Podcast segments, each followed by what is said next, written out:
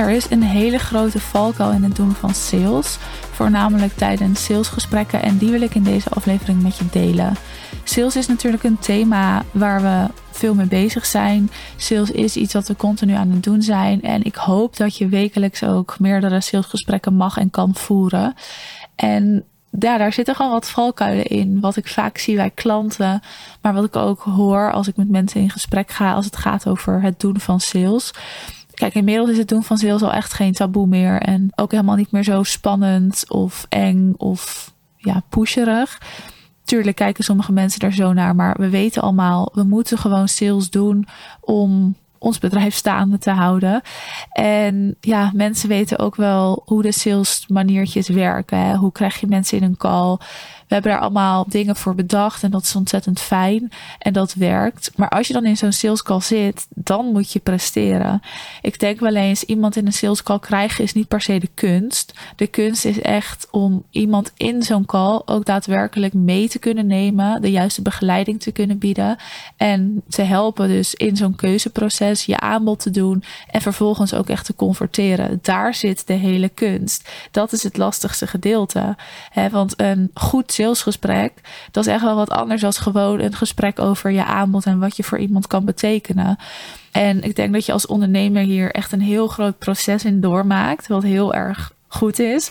Je leert hier ontzettend snel en veel in. Sales is gewoon een vak apart, maar iedereen kan het leren. Daar ben ik van overtuigd. Tuurlijk, de een kan het wat beter dan de ander, maar als je het echt wil, dan is het niet heel ingewikkeld. Dus iemand in een sales call krijgen is niet zo moeilijk, maar iemand tijdens een call echt converteren, daar zit de kunst. En daarom ook in deze aflevering dus de valkuil die ik daarin heel vaak zie. Ja, toch weer een kleine side note, maar er zijn natuurlijk meer valkuilen in het voeren van zo'n gesprek. Maar ik wil in deze aflevering er eentje benoemen die ik regelmatig zie. Maar ook iets wat eigenlijk een beetje een sociale norm is. Wat dus een beetje indruist tegen het doen van sales. Dat is namelijk dat we aardig moeten zijn. We krijgen natuurlijk allemaal vanaf jongs af aan al geleerd dat we aardig moeten zijn tegen mensen. Dat we vooral niet iemand moeten tegenspreken of irriteren of vervelend moeten zijn. Dus aardig zijn, dat is gewoon een standaard norm. En dat is een beetje genormaliseerd alsof dat dus is wat iedereen altijd maar zou moeten doen. En daaruit is iets ontstaan, namelijk please gedrag. En please gedrag dat is iemand naar de mond praten. Dat is ervoor zorgen dat iemand nou ja, altijd tevreden is. Dat het iemand helemaal naar zijn zin is. Terwijl dat is natuurlijk niet realistisch. Als jij er namelijk voor gaat zorgen dat iemand anders altijd maar blij is en het naar de zin is van een ander, dan vertoon je inderdaad please gedrag. Maar dan ben je totaal jezelf voorbij aan het lopen. Terwijl is dat niet de norm, hè? want ja, diegene is blij, we moeten toch aardig zijn. Dat gaat dus een beetje in tegen het doen van sales. Want als jij iemand naar de mond aan het praten bent, dan ben je eigenlijk juist niet aan het aantrekken. Want het is niet aantrekkelijk. Hè? Pleasen. We houden juist van uitgesproken mensen. We houden juist van mensen die een mening hebben, die een beetje durven te schuren, maar ook die gewoon eerlijk zijn. En dat is wat aantrekt. En dat is helemaal wat aantrekt in een sales call.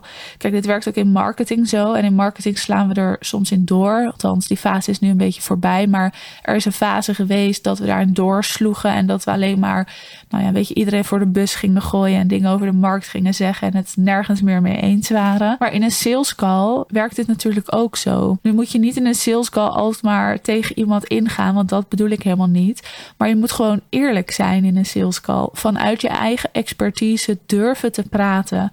En daarin dus heel erg bij jezelf blijven. En wat we dus gaan doen, dan zitten we in zo'n sales call.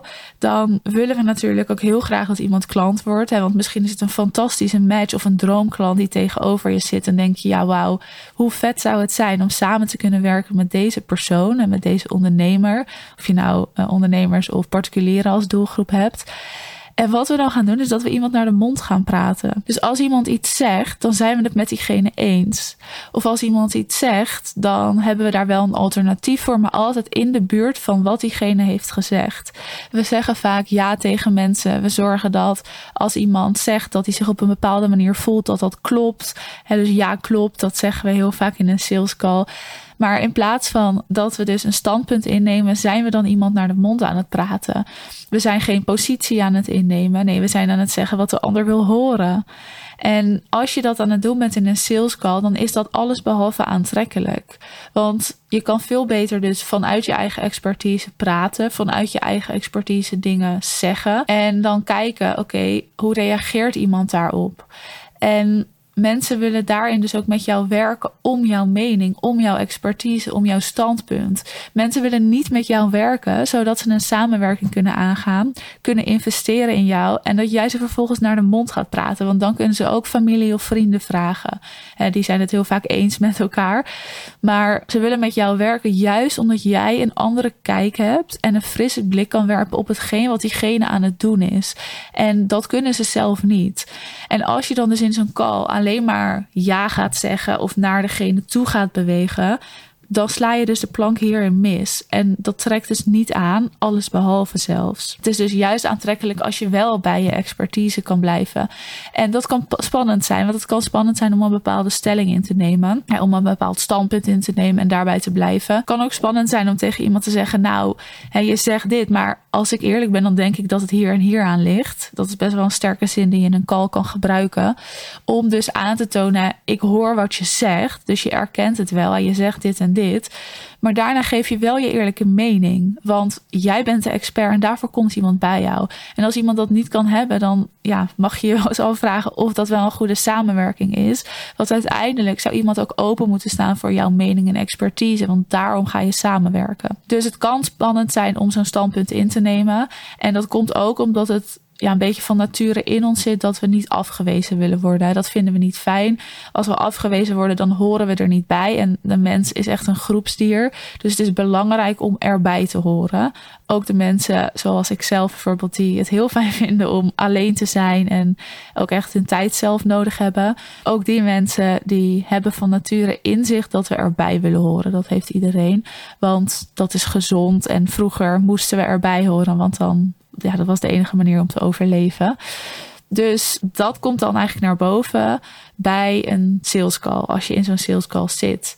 En zo'n standpunt is dus wel nodig. Het is belangrijk dat je in die call gaat zitten als expert, dat je je mening durft te geven. En daar kan de ander op reageren. En dan kan jij daar weer op reageren. En dat is gewoon hoe een call gaat. Als je dat namelijk niet gaat doen, dus stel jij gaat meepraten met de ander, dan ga je waarschijnlijk wel ja's horen van de ander. Maar dat zijn geen committerende ja's. Dat zijn ja's als mm, ja, ja, een soort nep ja. Ik weet het of ik vind het goed, maar ik denk er even over na, maar eigenlijk doe ik het niet.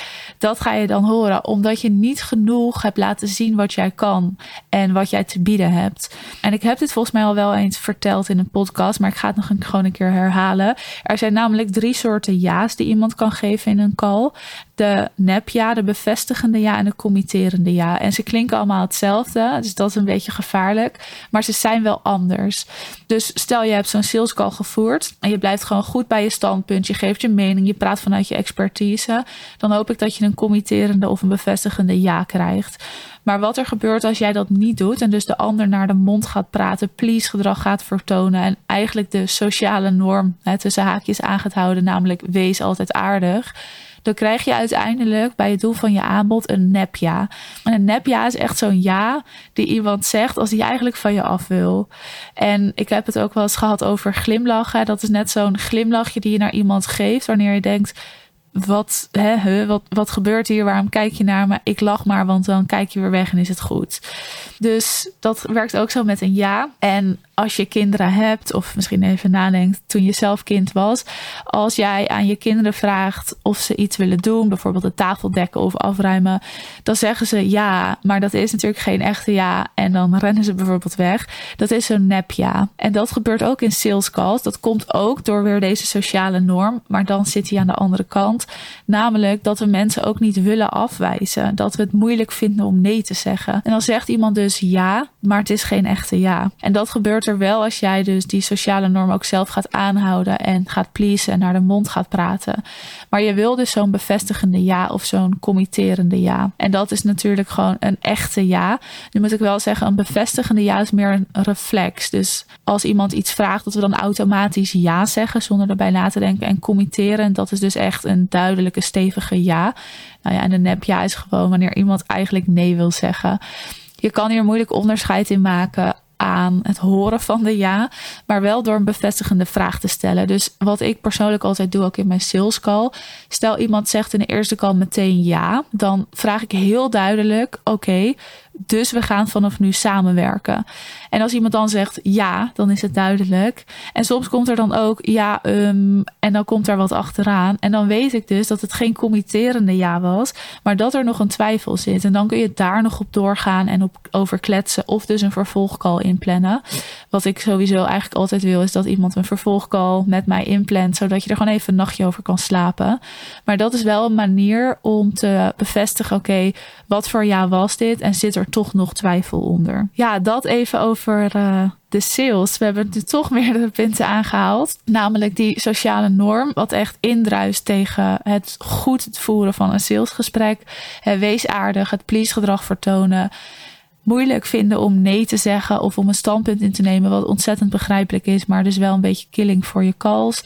En vervolgens, wat voor ja geeft iemand jou? En dat is wel echt het resultaat van hoe jij een gesprek hebt gevoerd. En dus ook of jij dat please gedrag hebt vertoond, of gewoon bij je expertise bent gebleven en van het jezelf hebt gepraat.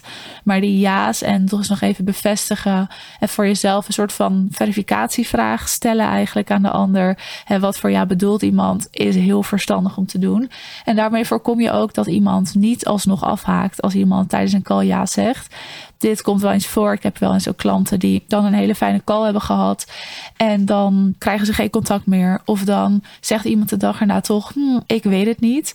En dat komt dan ook echt hierdoor. Omdat iemand dus wel ja heeft gezegd. Maar het was meer zo'n nep ja. Van hm, ik zeg ja, dan kom ik van je af. Daar kan ik er even over nadenken. En nogmaals, zorg dus dat je daar altijd bevestiging op vraagt. Bedankt voor het luisteren. Ga lekker met die sales aan de slag. Ik zei het in het begin al, maar iedereen kan het leren. En het uh, is iets heel erg leuks als je er ook beter in wordt. Succes. Heb je er vragen over, dan weet je me te vinden. Je mag me altijd een DM sturen op Instagram of op LinkedIn. Voor nu nog een hele fijne dag of een hele fijne avond.